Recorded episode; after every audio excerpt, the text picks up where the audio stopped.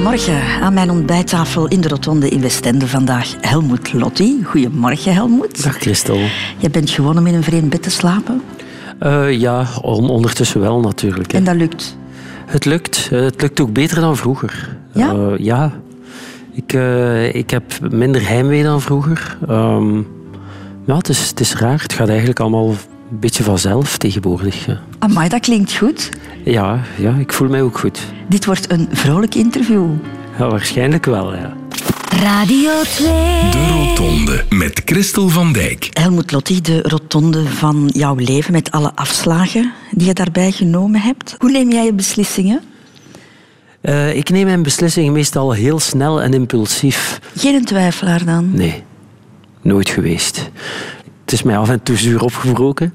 Uh, maar bijvoorbeeld de beslissing om te, om te stoppen met de school en alles op mijn zangcarrière te zetten, die, die was echt uh, in no time genomen. Mm, maar soms heb je mensen wel eens dingen voor jou laten beslissen ook. In je carrière dan, bedoel ik. Uh, ik heb nooit dingen gedaan waar ik zelf niet achter stond.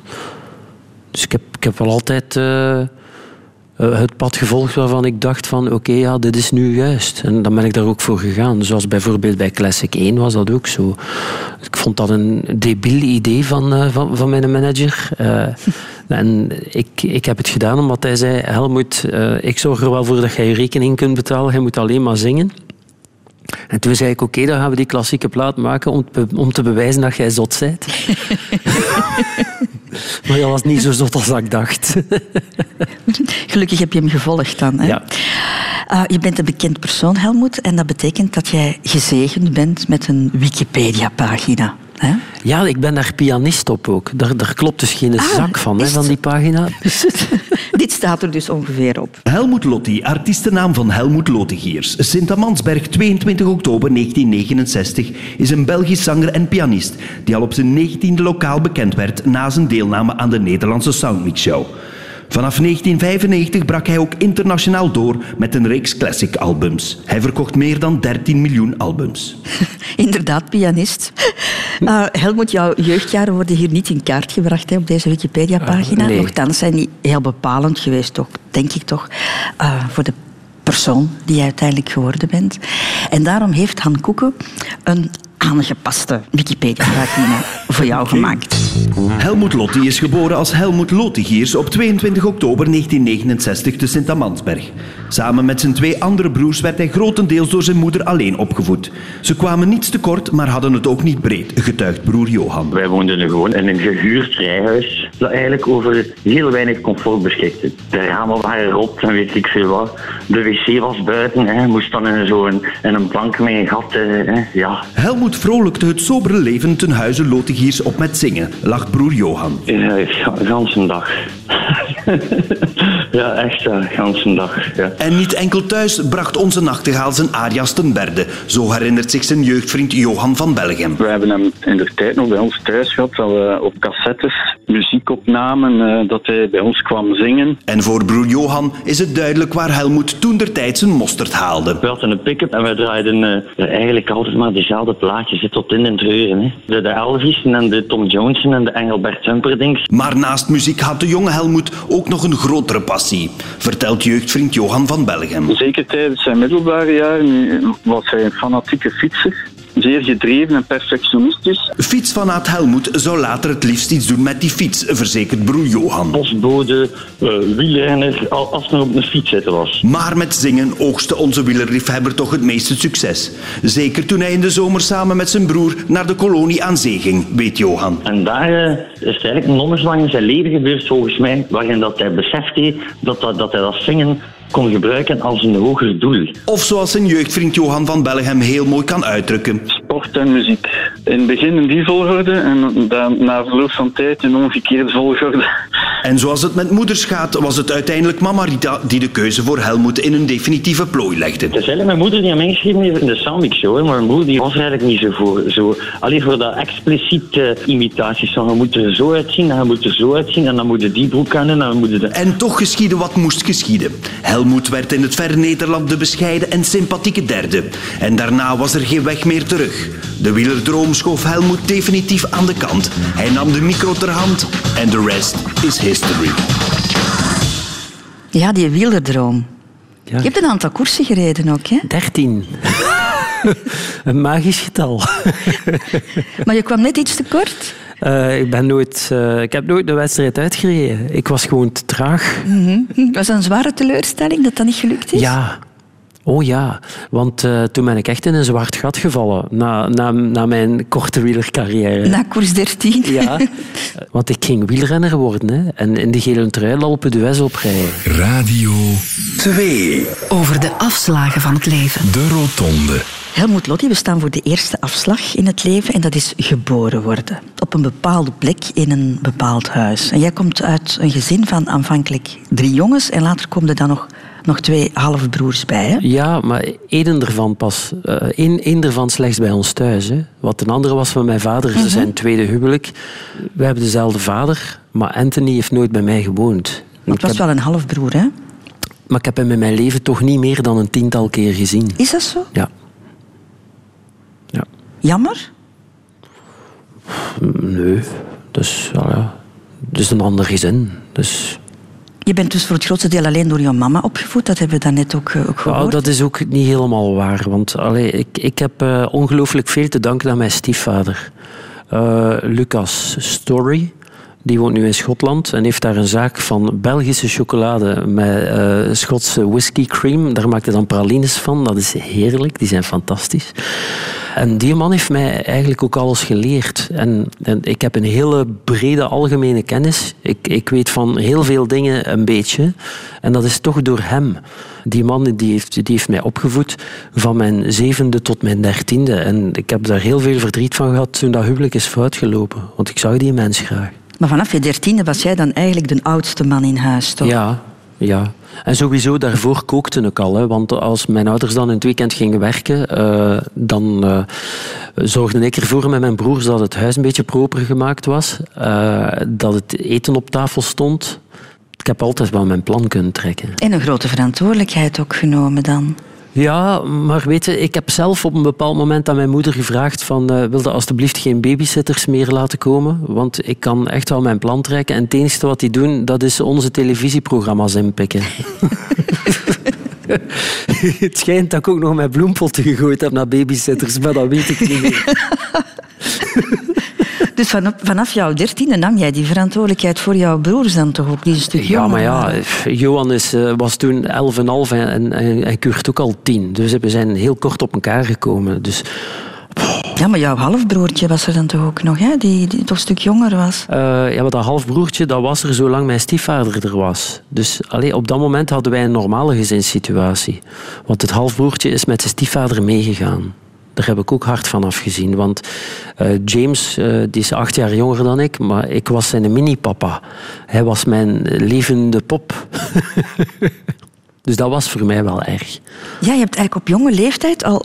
Twee keer afscheid genomen eh, van mijn, van mijn echte vader. Daar heb ik ook van afgezien. Hoe oud was je toen? zes, een paar weken echt redelijk serieus gehuild.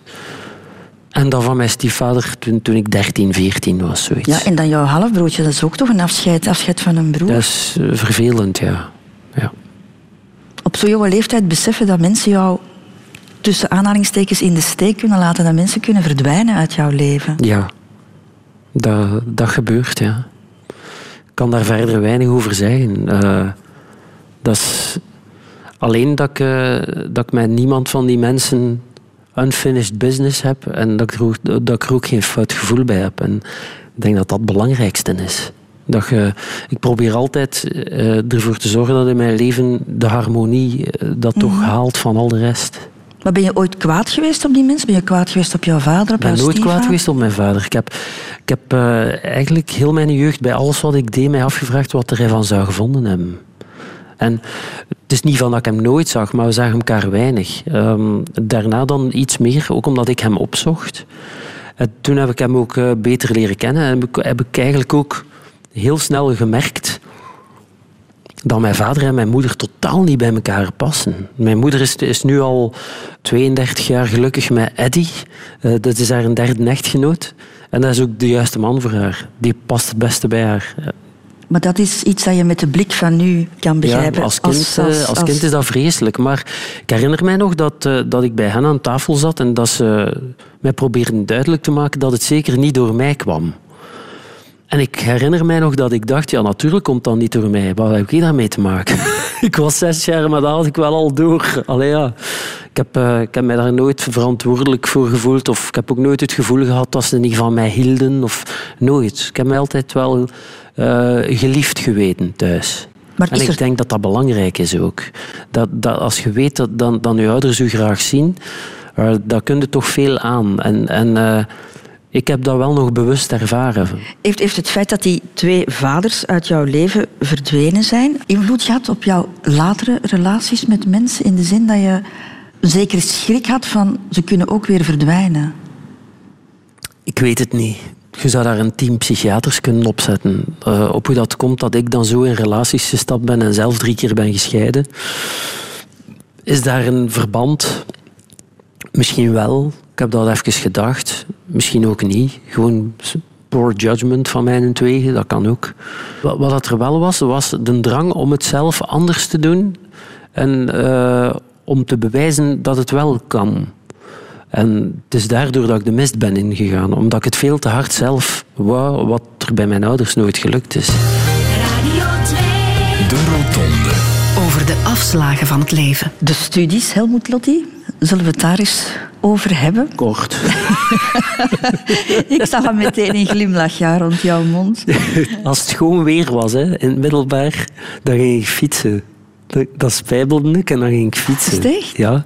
Dat, dat, ik spreek nu over toen mijn stiefvader eh, vertrokken was. En mijn moeder die moest zo hard werken dat ze dat ook niet allemaal kon controleren. En ik vertrok soms naar school en dan kwam ik terug. dan was zij al weg. Ja, echt. Ik heb, uh, ik heb het echt wel uitgehangen. Een beetje. En uh, zonder dat ze het wist. Hè. Maar het is misgegaan in het middelbaar onderwijs, want in de lagere school had jij wel fantastische Ik ben als primus uit de lagere school gekomen. Ik had, uh, ik had altijd meer dan 90 procent. Dus het is misgegaan in de middelbare school, omdat ja. je misschien ook in de verkeerde richting zat. Ja, maar ik wou iets doen met kunst. Maar toen, wat nu CLB heet, was toen nog PMS. Uh, de, de, uh, de, vereniging die zorgt voor de moord op uh, schoolplezier. Um, en die hebben, de, althans bij mij, ervoor gezorgd dat ik heel mijn middelbaar onderwijs mijn broek versleten heb. Om te beginnen was het in de lagere school zo saai, want ja, ik, ik, had alles direct begrepen en ik zat mij daar echt kapot te vervelen. Uh, en dan wou ik iets met kunst doen, of ik wou schilderen of tekenen. Ik deed dat allemaal graag. Het is dus geen toeval dat mijn dochter dat nu ook effectief allemaal doet. Mm -hmm. Dat mocht niet. Ik was te intelligent. maar ik mocht ook niet naar het Latijn, want ik was daar wel te speels voor. Dat hadden ze dan wel door van, oké, okay, daar gaat hij zich niet kunnen concentreren. Maar ik heb ADD. Dat is een, een soort van uh, aandachtsprobleem. Ik heb dat redelijk serieus, denk ik. Wat ervoor zorgt dat, dat ik... Uh, als dingen mij niet interesseren, binnen twee minuten in een andere wereld zit. En als dingen mij wel interesseren, dat ik gewoon tien uur alleen maar daarmee kan bezig zijn op een verschrikkelijk gefocuste manier. Dat eigenlijk niemand anders mijn tempo kan volgen. Dat klinkt bijna autistisch, Helmoet. Dat is nog iets anders. Dat is ASS. Uh, dat heb ik ook, maar in een heel lichte mate. Mm -hmm. um, gecombineerd met een IQ van uh, 119, wat net niet begaafd is. Fucking hell. maar vond je dat voor jezelf belangrijk om te weten hoe, hoe slim dat jij was? Omdat je uiteindelijk je hebt geen diploma gehaald, hè? je bent dan gestopt. Ja, jawel, ik heb mijn na twee. Hè. Ja. Uh, dus ik heb mijn hoger middelbaar gedaan en dan nog een specialisatie in informatica. De toekomst, maar niet de mijne. Uh, want het liefst van al gooide ik de computer drie keer per dag door het venster van colère. Uh, en dan ben ik nog een jaar secretariaat talen gaan doen. Maar ik zat er echt alleen maar omdat ik niet wist wat ik met mijn leven aan moest. En toen heeft mijn moeder mij ingeschreven ja. voor de Soundmix Show. En uh, dat kwam als een geschenk uit de hemel. En dan ben je gestopt? Ja. Heb je soms het gevoel gehad dat je jezelf hebt moeten verdedigen omdat je geen diploma hebt? Nee. Nee, maar wat ik wel heb, uh, en dat heb ik heel lang gehad, nu niet meer, maar tot een jaar of uh, tien geleden had ik nachtmerries van uh, dat ik dus een examen moest afleggen en, en dat ik het niet kende. Mm Gewoon, ja, faalangst. Heel raar. Maar je hebt ooit eens in een interview gezegd: Ik weet dat men mij als niet bijster intelligent beschouwt, als een lichtgewicht zelfs. Heeft jou dat pijn gedaan? Uh, nee. Nee. Weet je, ik, uh, ik hou mij niet bezig met oordelen te vellen over andere mensen. En ik hou mij ook niet bezig met het oordelen van andere mensen over mij. En, en ik vind dat er een heel groot verschil is tussen lichtheid en niet serieus zijn. Het is niet omdat je licht bent dat je niet serieus bent. En het is niet omdat je ernstig bent dat je daarom zwaarmoedig bent. Dat, is, maar mensen gooien dat nogal snel eens allemaal door elkaar en op een hoop. Ik heb uh, een grote dosis lichtheid, maar ik heb ook een dosis melancholie en een uh, grote dosis ernst. En ik probeer vooral heel ethisch correct te zijn. En een grote dosis intelligentie ook, hè? Dat valt mee, ja. Mm ik, ik, ben vooral uh, auditief en visueel naar het schijnt ongelooflijk snel. Uh, ze hadden in mijn leeftijdscategorie bijna nog nooit iemand gezien die zo snel was. Waarom heb je meegedaan aan, aan de slimste mens, Helmoet? Omdat ze het mij gevraagd hebben. Maar de slimste mens, is een klucht. Hè. Allee, ja. Het is ongelooflijk. Het is een onnozel quizje, maar het is kei plezant. Uh, maar omdat het de slimste mens ter wereld heet, krijgt dat zo'n gewicht. Terwijl het alleen maar gaat over faits divers, weetjes. En allee, als je dat programma wint omdat je vijf personages uit thuis kunt opnoemen, dan zijn er nog niet echt de slimste mens. De Rotonde. Radio 2. Radio 2. De keuze voor de muziek, Helmut Lotti. Kan ik zeggen dat dat niet echt een bewuste keuze was? Als ik nu alles op rij zet, is hetgeen wat ik nu doe natuurlijk gewoon de logica zelf. Maar het is ook daardoor dat ik nooit gedacht heb om daar mijn beroep van te maken, omdat het zo'n evidentie was dat ik ook niet vond dat het een speciaal talent was. En het was, zoals mijn broer Johan zei, pas in de vakantiekolonie dat ik doorkreeg van... Ah, ik kan hier meisjes mee binnen doen. ah, iedereen hangt aan mijn lippen. Het is, het is toen pas dat ik begon door te krijgen van oké, dat is hier een bovengemiddeld talent dat ik blijkbaar heb. En dat ik daar zo wat gebruik van begon te maken. Maar ook toen dacht ik van, nee, ik word wielrenner en uh, ik, ik ga dan na mijn wielercarrière wel inderdaad postbode worden of zo, omdat je dan met een fiets kunt rondrijden, of sportjournalist of zoiets. En dan voor de lol ga ik wel in een bandje zingen en af en toe eens optreden. Zo zag ik mijn leven. Had je ook het gevoel dat dat jou een beetje anders maakte dan, dan, dan andere kinderen? Dat je daar toch wel... Ik denk dat iedereen zijn manier zoekt om, uh, om zich te onderscheiden van de rest. Uh, en dat kun je het beste door uh, sport of, of show. Ja. Show off. Een podium. ja. Maar dat zorg je dan ook al snel, in dat podium, want je deed dan mee aan playbackwedstrijden en, en dat de soort dingen? Playbackwedstrijden heb ik nooit gedaan. Ik ben direct gaan meedoen aan de soundmix-wedstrijden. Dat was in een tijd van Henny Huisman. Dat had dan de playback en de soundmix-show. En overal te velden waren er elk weekend wel in feesttenten zo van die, van die dingen te doen. Dus voor de pauze was dat dan meestal playback en na de pauze was dat dan soundmix. En ik deed altijd mee met de soundmix, ja. En uh, ik was nooit bij de eerste. Ik ben één keer derde geweest met Love Me Tender van Elvis. En, uh, en dan verder zat ik al redelijk achteraan, omdat ik de jonge Elvis deed en, en niet de Las Vegas Elvis. Ah, en daar zat een verschil op. Ah, ja, want ik zong dan Don't Be Cruel en zo. Uh, wat ik eigenlijk heel goed vond. Maar je maakte daar geen indruk mee. En dan is er de Soundmix Show in Nederland. Jouw moeder schrijft jou daarvoor ja, in? en toen heb ik dus andere nummers beginnen zoeken. En toen ben ik op My Boy gebotst. En uh, ik dacht, wauw, dat is het. Nu, je eindigt daar uh, derde. Dat is mooi natuurlijk, als je daar derde eindigt. Maar wat ik denk dat belangrijker was, is dat jij daar ongelooflijk sympathiek overkwam. Hè? Ja, ik heb altijd goed comedie kunnen spelen. nee, dat was daar wel uh, een, een, vervelende situatie. Ik, ik had nog nooit een camera van dichtbij gezien. En ik kom op televisie en Henny Huisman behandelt mij niet als een volwassen mens, maar als de kinderen in de mini-playback show. Zo, er mij zo wat doorsleuren. Zo. Het was vernederend, zeg het maar. Maar- het was. maar- het was verschrikkelijk hoe hij jou behandelde. Maar ik denk dat het sympathiek bedoeld was. Maar ik was en naïef en een Belg. Dus een mooier cadeau konden, konden, ze, konden ze hem niet geven. Bovendien had ik twee mogelijkheden op dat moment. Dat was ofwel brutaal worden, ofwel de Schlemil spelen. En ik heb de tweede optie gekozen. En dat heeft mij geen windeieren gelegd. Hè. Toen je daar derde werd, dacht je toen van nu gaat het voor mij beginnen? Ja. Ja, heel erg. Ik dacht, ja, nu zijn we vertrokken. Hè.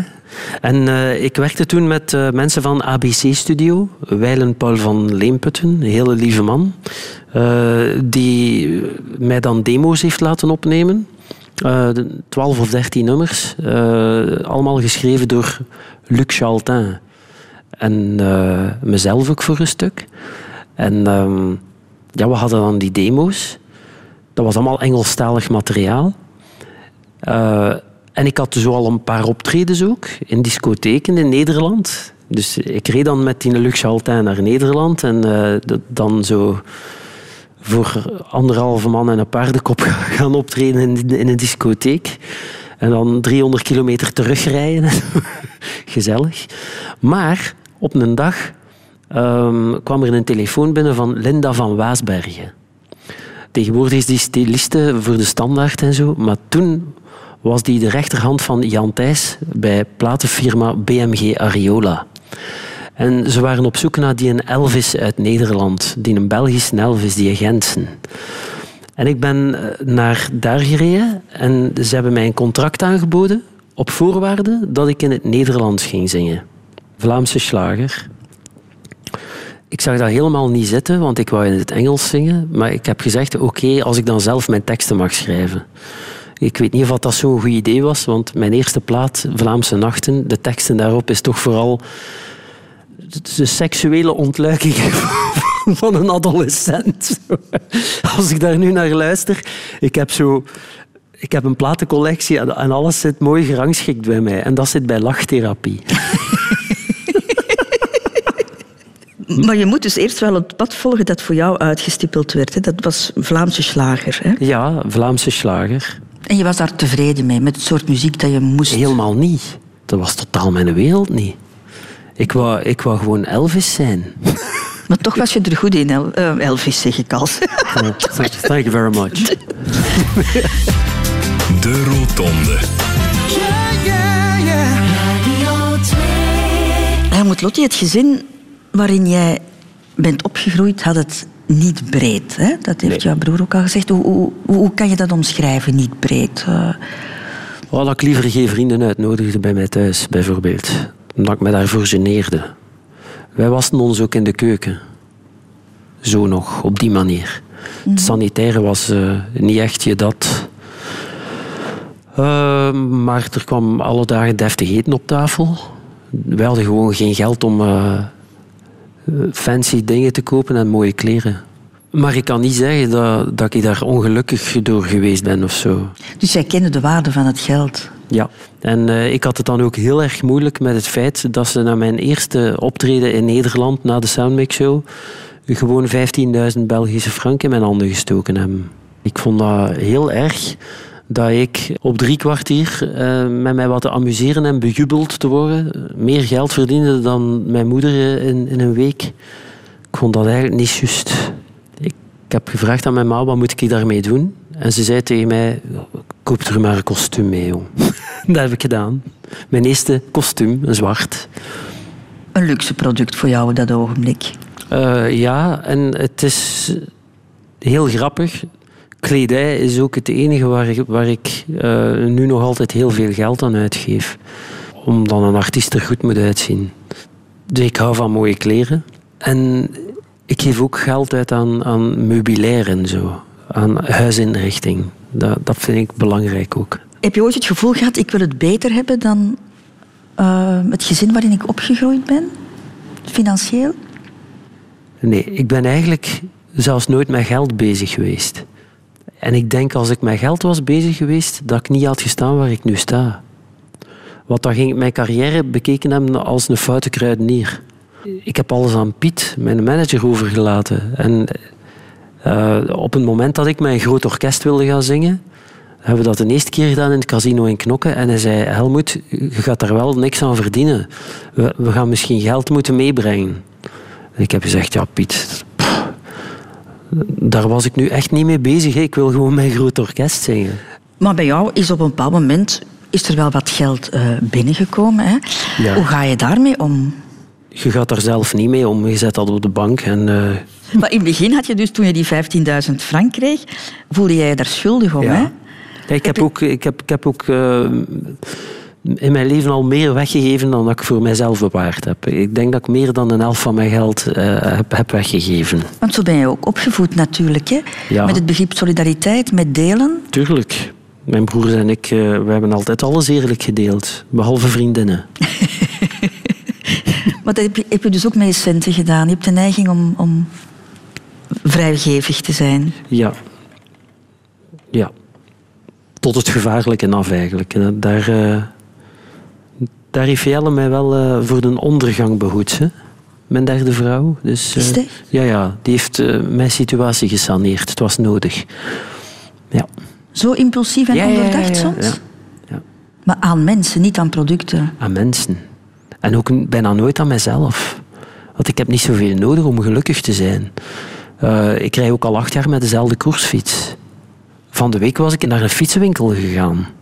Omdat ik een fietspomp nodig had. En ik zag zo een, een fiets staan, een koersfiets, met, met zo van die banden waarmee dat je dus ook off-road kunt gaan. Zonder dat je schrik moet hebben van een platte band. En ik vond dat zo schoon. En ik zei, oh. En, uh, en Marieke zei, ja Helmoet, na, na die tour dat jij nu gedaan hebt, mocht jij jezelf er echt wel mee belonen. En ik heb even gedacht en ik dacht, nee, ik kan het niet doen. Marieke is mijn lieve. Mm -hmm. ik heb dat dan niet gedaan. Om, omdat ik het niet echt nodig heb. Want ik heb een koersfiets en ik heb een mountainbike. Dus, allee, nee. Voor die drie keer dat ik dat dan zou doen, dat zou belachelijk zijn om daar 1500 euro aan uit te geven. Zo ben ik dan weer wel. Goed je brood verdienen, Helmoet Lotti, dat uh, is fijn, maar het heeft ook een, een, keerzijde. In die zin dat je ook natuurlijk een, een commercieel product bent geworden en, en dat je dan toegevingen moet doen. Ik heb het dan bijvoorbeeld over, hè, waar er zoveel over geschreven is, jouw toepet. Dat was Ja. iets wat moest gebeuren. Die toegeving heb jij moeten doen. Ik moest dat niet doen, maar ik heb dan toch beslist om daarin mee te gaan in dat verhaal. Want alleen wat moet. eh, Maar ik heb dat verhaal nu al tien keer verteld. Ik heb het er niet graag over. Nee, ik snap het. maar heb je ooit, en dat is mijn laatste vraag daarover, ooit het idee gehad van ik word hier wel geleefd? Ik vlieg van de ene hotelkamer naar de andere. Ik heb daar wel zelf voor gekozen. En op het moment dat ik het niet meer zag zitten, heb ik het ook stopgezet. Als, als het over mijn gezondheid gaat en mijn, en mijn leven, echt, echt, echt de basis zo van mijn leven, dan, daar moet ze van afblijven. En dan, dan zeg ik ook stop. Maar dat is eigenlijk nog niet eens de reden dat ik aan de kant ben gaan staan. De reden dat ik aan de kant ben gaan staan was omdat ik niet wist of ik nog zin had om Helmut Lotti te zijn.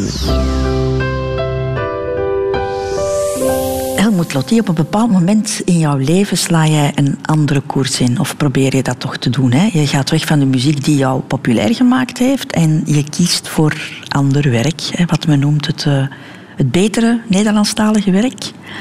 Ik zou dat zo niet noemen. Nee? Nee, daar ging het mij niet eens om. Eh, het is per ongeluk gegaan ook. Ze. Ik wou een plaat maken met eigen materiaal. Eh, en toen zei Jelle tegen mij van... eh zou je dan, dan niet in het Nederlands doen als je het zo belangrijk vindt eh, dat de mensen eh, verstaan wat je doet? Ik wou een verhaal vertellen. Dus heb ik dat in het Nederlands gedaan om die reden.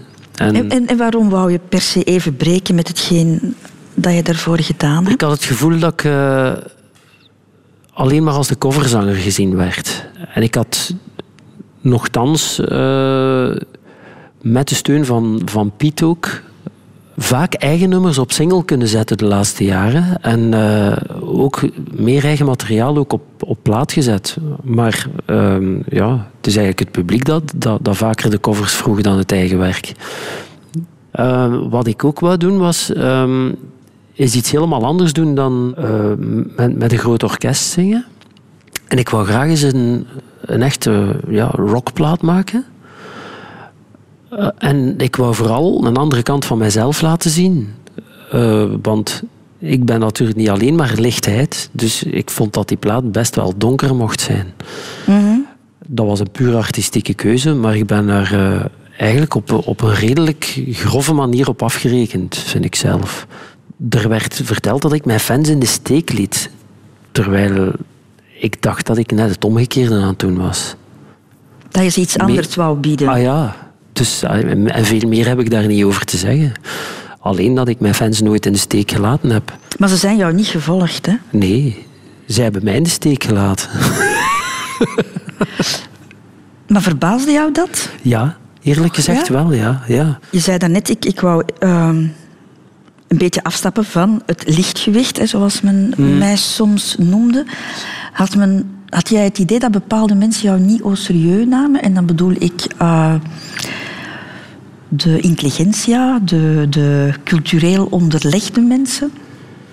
Uh, ja, maar dat is een strijd die je niet kunt winnen en die je eigenlijk ook niet moet voeren. Ik heb vooral geprobeerd om, uh, om een ander publiek te bereiken. Maar de mensen die naar mijn concert gekomen zijn, dat waren de mensen die al kwamen. En er is heel veel van het potentiële publiek niet naartoe gekomen omdat het van Helmut Lotti was.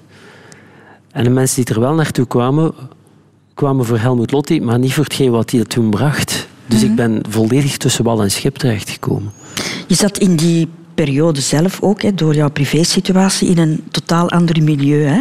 Ja, ik... Je zat ik, zelf in een, in een uh, artistieker milieu, cultureler milieu. Ja, en ik ging vaak naar de single uh, naar voorstellingen kijken. Ik uh, in een toneelhuis naar voorstellingen kijken. Abattoir Fermé, zo'n mm -hmm. nogal duister theatergezelschap, vond ik fantastisch. Dus ik, ik wou ook invloeden van al die dingen in, in, in, mijn, eigen, in mijn eigen project verwerken. Maar ik heb geleerd dat je als zanger beter gewoon een zanger bent. Ja. Kan ik zeggen, Helmoet, dat je in die periode ook anders was dan vroeger? Dat je gereserveerder was? Dat er van de leuke qua jongen toch een stuk weggenomen was? Ja, ik, ik kwam wel heel veel serieuze mensen tegen. En uh, heel veel mensen die constant over hun woorden nadachten. Voordat ze iets zeiden. Dus ik was uh, niet meer zo'n impulsieve flap uit. Je had niet meer zoveel optredens, je was heel veel thuis ook. Dat was wel frustrerend, omdat je bent twee jaar aan een plaat bezig en ik wou dan alleen maar in uh, culturele centra optreden en ik had gehoopt dat er dan festivals gingen volgen. Maar dat is niet gebeurd. Er is geen enkel, uh, uh, ja, één festival. Pulptuur in Kapellen heb ik mogen openen. Verder heb ik op geen enkel festival gestaan. Wat ik niet begreep, want ik had een ideale set daarvoor. Maar niemand durfde dat aan. Het, het was alsof het, uh, dat dat besmet was of zo. Ben je in die periode ook aan jezelf beginnen twijfelen, Helmoet? Van hoe moet het hier nu in godsnaam verder? Uh, ja, uh, en, en ik begon vooral te twijfelen aan mijn zangtalent. Ik begon mij af te vragen, kan ik het nog wel? Je hebt een aantal dingen moeten opkuisen ook, hè, Helmoet? Je hebt jouw relatie met een bepaalde pers moeten herstellen. Ja. Je hebt de breuk met Piet Roelen moeten herstellen. Ja, maar dat, uh, die is nooit uh, uitgesproken geworden als een definitieve breuk. Dat is nooit gebeurd. Piet heeft uh, altijd de deur opengelaten. En het zal voor hem ook allemaal wel pijnlijk geweest zijn. Ja? Ja. Ja. Ja, maar wij waren het perfecte team. Hij was jouw tweede vader, hè? De derde, de dus, hè. Ja. Ik ben blij dat we terug op dezelfde manier naar elkaar kunnen kijken als voorheen. Is dat uitgepraat geweest? Ja, ja. Ja. Dat is vriendschap, hè. Ze zeggen toch altijd, God heeft de vriendschap uitgevonden om zich te verontschuldigen voor de familie.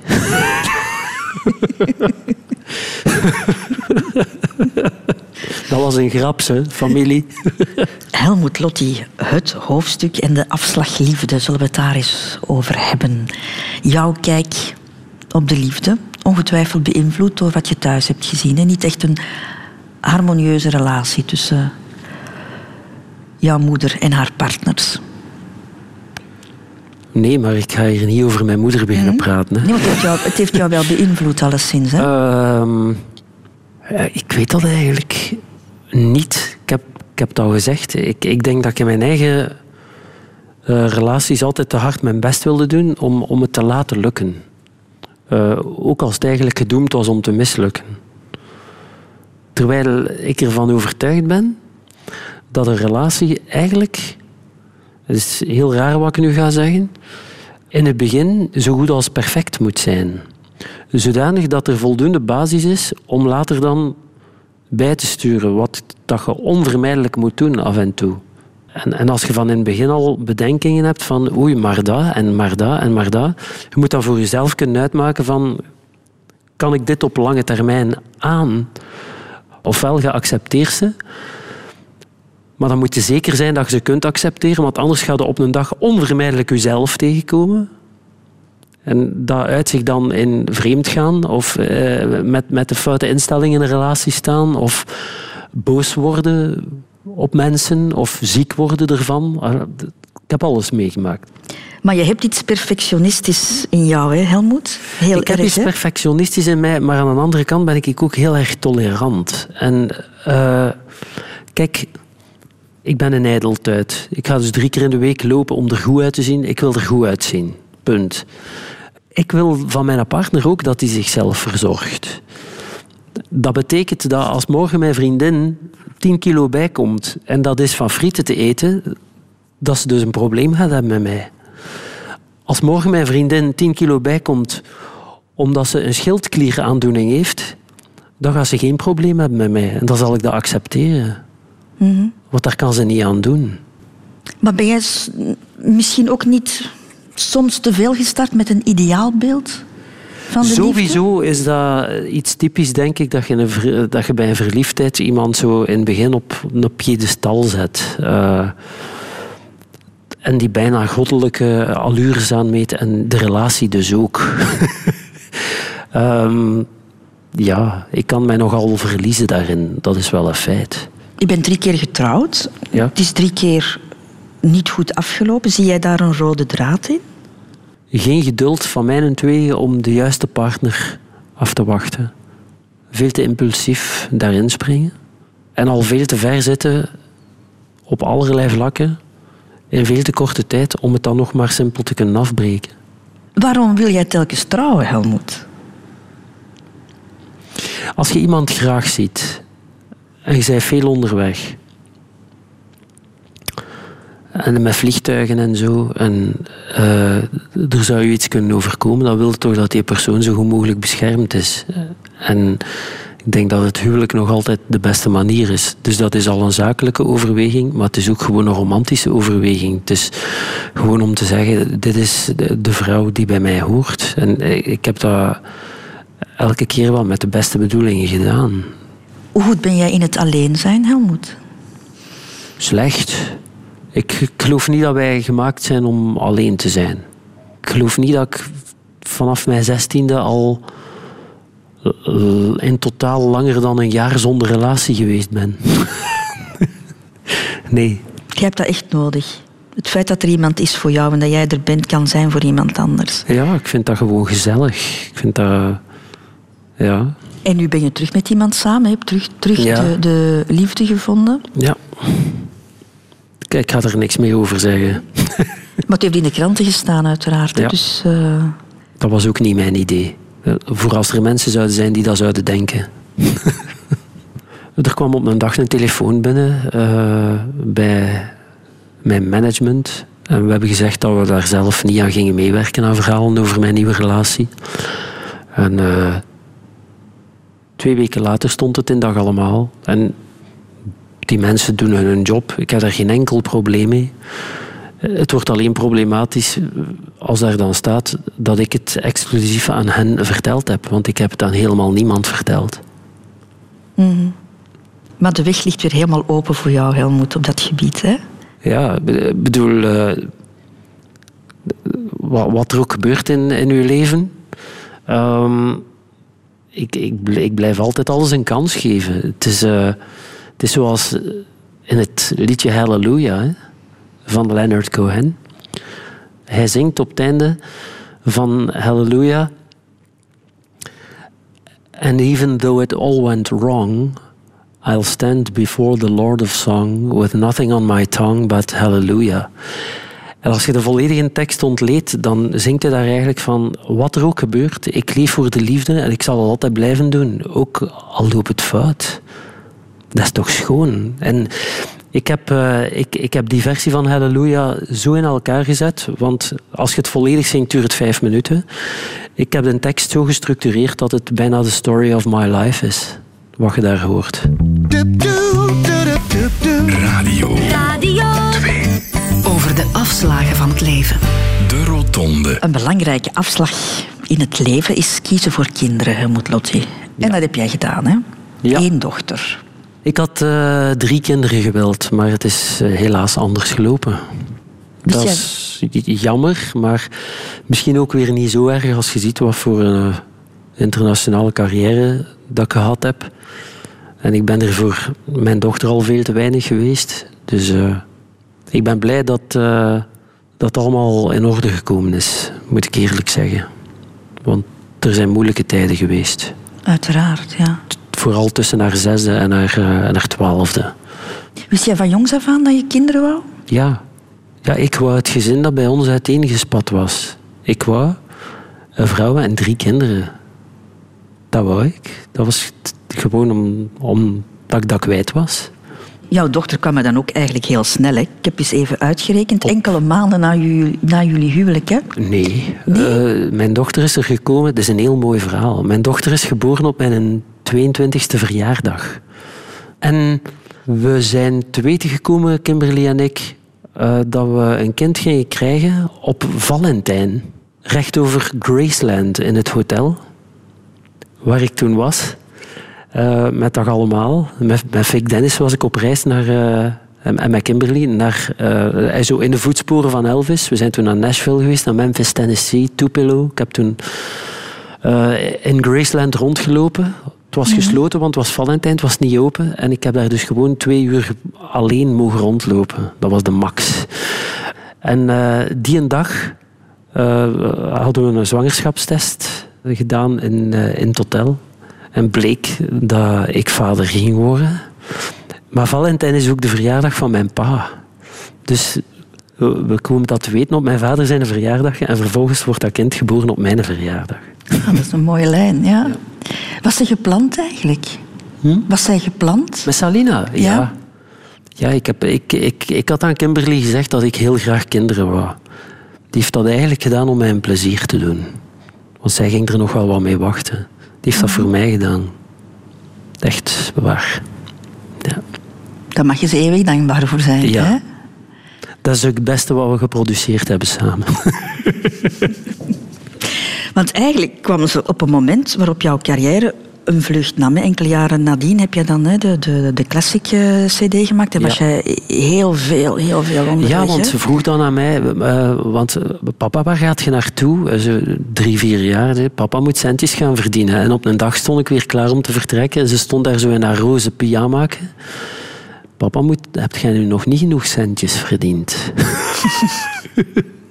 Schattig, hè? Ja. Waarom was het zo moeilijk, de periode tussen haar zes en haar dertiende? Omdat er uh, heel veel problemen waren om haar te kunnen zien. Um, door verschillende factoren waar ik het verder niet over wil hebben. Dat is een lange periode natuurlijk. Ja. Ja. Maar het was niet omdat wij elkaar niet wilden zien. Dat was het niet. Was er enige vorm van contact in die periode? Zo goed als niks. En dan uh, vanaf haar twaalfde plots weer wel. Ook door omstandigheden waar ik het niet over wil hebben. Mm. Want dat gaat over het leven van andere mensen. Tuurlijk. Heeft zij jou ooit dingen kwalijk genomen, Helmoet, dat je er te weinig was? Toen, toen ze 14, 15 was, uh, merkte ik dat er toch wel wat woede in haar zat. Zo, ja. En terecht. Uh, en we hebben dat uitgeklaard. Ja. Kan je die jaren... Ik voel, mij, ik voel mij ook niet te beroerd om toe te geven als ik een fout gemaakt heb. Ik heb dat tegen haar ook onmiddellijk gedaan. Eh, we hebben dat echt heel goed uitgepraat. En nu is het zo dat wij een hele, een hele mooie relatie hebben. Want uh,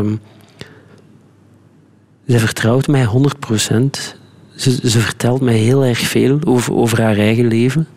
En ik probeer haar daar zo goed mogelijk in bij te staan. Met vaderlijk advies. Uh, en wij mailen vaak. En dat zijn zo echte brieven. Je zou er bijna een heel mooi boek van kunnen maken. Maar het is privé, dus dat doe ik dat niet. Maar dat is het soort relatie dat wij nu hebben. Bewijst wel dat je een periode van zoveel jaar, dat je dat toch wel kan inhalen en dat je altijd opnieuw kan beginnen. Je kunt altijd opnieuw beginnen, maar die periode kunnen niet inhalen. Ik, ik, ik heb een hele hoop van haar van, van, ik, ik heb een hele hoop van haar jeugd niet gezien van dichtbij. Ik heb haar tussen haar zes en haar twaalfde niet zien opgroeien. Dat, dat ga ik de rest van mijn leven verschrikkelijk vinden. Maar het is wat het is. Heb je jezelf dingen kwalijk genomen? Ja, daarin wel, ja. Ja. Ja. Ja, want uh, daarin heb ik... Uh, ik heb er echt wel tekort gedaan, vind ik, in die periode. En ik vind niet dat ik, uh, dat ik voor de rest andere mensen veel tekort gedaan heb. Voor de rest heb ik mezelf tekort gedaan. Maar dat is een situatie waarin ik vind dat ik iemand tekort gedaan heb. Ja. Maar jullie hebben een nieuwe start genomen. Samen. Ja, al lang geleden. Hè? Zo. En uh, het is echt tof. Het is, het is ook zo ze heeft redelijk wat meegemaakt, ook in de periode dat ik er niet was. En uh, ze is daar op een ongelooflijk schone manier uitgeraakt. Ze, uh, ze, denkt heel veel na over het leven, over zichzelf. Um, ze is ook positief. Ja, ik ben, uh, ik ben er heel blij mee met zo'n kind. Radio 2. De Rotonde. Ik ga jou al begeleiden naar de allerlaatste afslag, Helmoet Lotti. En dat is... Uh... Zij die gaan sterven groeten nu. Zoiets, ja. Je wordt er 49 dit jaar, dus ik denk dat we kunnen zeggen de eerste helft is achter de rug, hè? Uh, waarschijnlijk. maar ik hoop nog altijd... Uh, oh, dat, dat, dat God dus andere plannen heeft met mij en anders uh, op wetenschappelijke doorbraken uh, die ervoor gaan zorgen uh, dat. nee, het is geen goed idee, het eeuwige leven. Dan moeten ze wel. Jawel, het is een goed idee als ze vanaf volgende week iedereen chemisch castreren. maar eeuwig. eeuwig leven lijkt me ook verontrustend. Ja, ik zeg het, tenzij dat de rest dan ook eeuwig blijft leven. Maar, en, en dat je dan niet ouder wordt. Hè. Maar ik weet niet. Ouder worden is wel mooi, maar toch niet alleen maar mooi. maar je hebt de belangrijkste missie op het gebied heb je al gehaald. Hè? Je wilde ouder worden dan Elvis. Ja. Ja, bij de meeste mensen is het uh, l'âge de Christ, maar bij mij was het l'âge d'Elvis. ja. Dus uh, daar ben ik al voorbij. Mm. Allee, op naar Frank Sinatra. nee, ik, uh, gezien dat de 8 en de 2 al heel mijn leven zoals een rode draad passeren, zo, denk ik dat ik 288 jaar. nee, 82. Zou 82. Mooi zijn. Ik zou toch willen dat er een 8 voor staat. Hè? Mm -hmm. Dat toch zeker. Je wil het zo lang mogelijk uitstellen. Maar, dat is, dus... maar, maar, wel in goede gezondheid. Ik, ik heb geen zin om, uh, om zo ziek te zijn of zo. Als dat gebeurt, zal het gebeuren natuurlijk. Hè. Dan, dan hebben ze er ook geen vat op. Uh, en mijzelf kennende zal ik de flexibiliteit hebben om ook met beperkingen weer om te gaan. Um, maar het is wel lastig als je zo langzaam het een na het ander moet uh, om te beginnen mensen moeten afgeven, maar dan ook uh, uw eigen fysieke mogelijkheden moet zien weggaan. Um, ik heb daar nu nog geen last van. Maar ik, uh, ik zie het niet met blijdschap tegemoet. Nee, op onze leeftijd zien wij het natuurlijk ook wel bij onze ouders gebeuren. Hè? Ja, het is dat. Ik, uh, en, eh, maar, ja, maar ook bij de mensen waarmee dat ik werk, uh, die, die, waarvan er een paar twintig jaar ouder zijn dan ik. En die voelen zich nog altijd uh, springers. Maar die kijken in de spiegel en die zien ook dat ze er geen meer zijn. En ja, ik, ik, ga ook stil aan naar de 50, dus het is wat dat is. Hè. -hmm. Maar ik voel mij, we gaan hout vasthouden, nog altijd fantastisch. Wat verwacht je dat er daarna komt, Helmoet? Ik verwacht niks. Uh, we verkondigen het mysterie van het geloof. dus ik zie het wel. Want je hebt ooit eens, het is al wel lang geleden hoor, het was in 2004, hè, heb je ooit gezegd, ik geloof niet in God de schepper, maar ik ben er wel van overtuigd dat er meer is dan wij beseffen. Ja, ja, daar ben ik zeker van. Wat bedoel je daarmee? Dat toeval bijvoorbeeld in een leven, dat dat meestal de puzzel is die toevalt. Dat bedoel ik daarmee. Dat er heel vaak dingen gebeuren met een bedoeling. Of misschien geef je daar zelf een betekenis aan, dat kan ook zijn. Maar ik, ik heb toch al vaak gemerkt dat er op een bepaald moment dingen komen aangewaaid. Op het moment uh, dat je ze net nodig hebt. Of ja, gebeurtenissen, die synchroniciteit. Jong heeft daar een boek over geschreven. Ik moet het een keer lezen. Synchroniciteit. Zoals die twee en die acht die zo constant door mijn leven passeren. Mijn schoenenkastje in de vakantiekolonie, 288. Mijn eerste bankkaart, 2888. Het aantal bomen dat ik mocht rooien op mijn stuk grond in Merelbeke, 28. Het huisnummer Ginder, 28. Zo, zo een hele hoop dingen. Die twee en die acht, dat, dat blijft maar passeren. Daarmee denk ik, zo leven tot mijn 82. Ik denk dat het dat ongeveer zal zijn.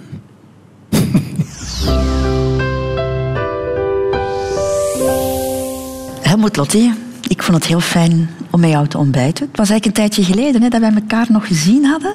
Ja, ja hè? ik weet niet wanneer we elkaar de laatste keer gezien Jaren geleden. Ik was, was, eigenlijk... was, was dat ergens uh, de Eregalerij of zo? Het zou kunnen. Maar ik was eigenlijk een beetje vergeten hoe fijn praten het altijd met jou is. En ik heb dat nu weer ondervonden. Ik kan weer even voort. Dank je wel daarvoor. En nu mijn gastenboek nog, Helmoet. Hallo Christel. Bedankt voor de gezellige avond gisteren in de rotonde, het heerlijke diner, het lekkere ontbijt en de interessante babbel. Het is altijd waardevol als je een echt gesprek kunt voeren met iemand die echt kan luisteren. Ik wens je nog veel mooie interviews toe. Kusje, Helmoet.